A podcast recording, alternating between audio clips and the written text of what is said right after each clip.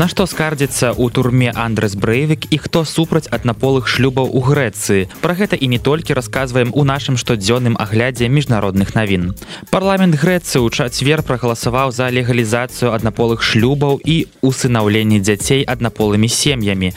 Грэцыя стала 37 краінай у свеце і першай праваслаўнай краінай, якая узаконіла такія шлюбы. Закон лабіраваў асабіста прэм'ер-міністр Кірыякас Мецатакіс, лідар кансерватыўнай партыі новая дэмакратія. Гэта гістарычная вяха ў справе забеспячэння правоў чалавека, якая адлюстроўвае сённяшнюю Грэцыю, прагрэсіўную дэмакратычную краіну, якая горача верыць у еўрапейскія каштоўнасці. У самой Грэцыі не ўсе паставіліся да закона станоўча. Напрыклад, грэцкая праваслаўная царква, якая мае ў краіне статус пераважнай рэлігіі, выступіла супраць легалізацыі. Архіепіскап Афінскі і ўсё Элады Еранім другі заявіў, што гэта спроба навязаць краіне новыя рэаліі, якія разбураюць тканку грамадства. А ў нядзелю ў афінах прайшла дэманстрацыя супраць новага закона. На яе з абразамі і распяццямі ў руках выйшлі каля чатырох тысяч чалавек.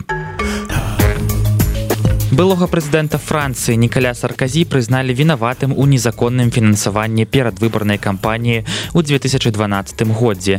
Сарказі прысудзілі да аднаго года турмы яшчэ ў 21 годзе.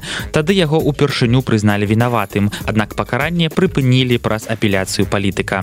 Апеляцыйны суд пацвердзіў прысуд і прызначыў яму паўгода турэмнага зняволення. Другую палову тэрміну ён зможа адбыць дома з электронным бранзалетам.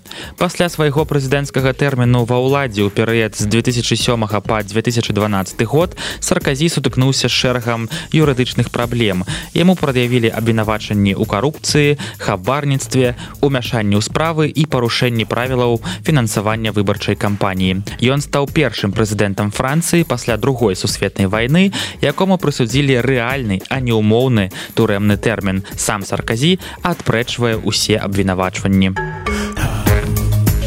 суд у Нарвегіі адмовіў андресу брэйвіку які адбывае 21гадовы тэрмін за забойства 77 чалавек у 2011 годзе. У сваіх ісках ён скардзіўся што умовы утрымання ў нарвежскай турме парушаюць яго правы. Брэвік падаў на дзяржаву ў суд і заявіў што працяглая ізаляцыя была парушэннем еўрапейскай канвенцыі па правах чалавека. Падчас слухання ў забойца казаў што пакутуе на дэпрэсію і залежыць ад антыдэпрэсантаў а таксама расказаў, што яго падштрухваюць да суіцыду. Нарвежскія ўлады адмаўляюць абвінавачанні брэйвіка і заяўляюць, што строгія, але камфортныя умовы утрымання брэйвіка апраўданыя, улічваючы рызыку, якую ён прадстаўляе для навакольных.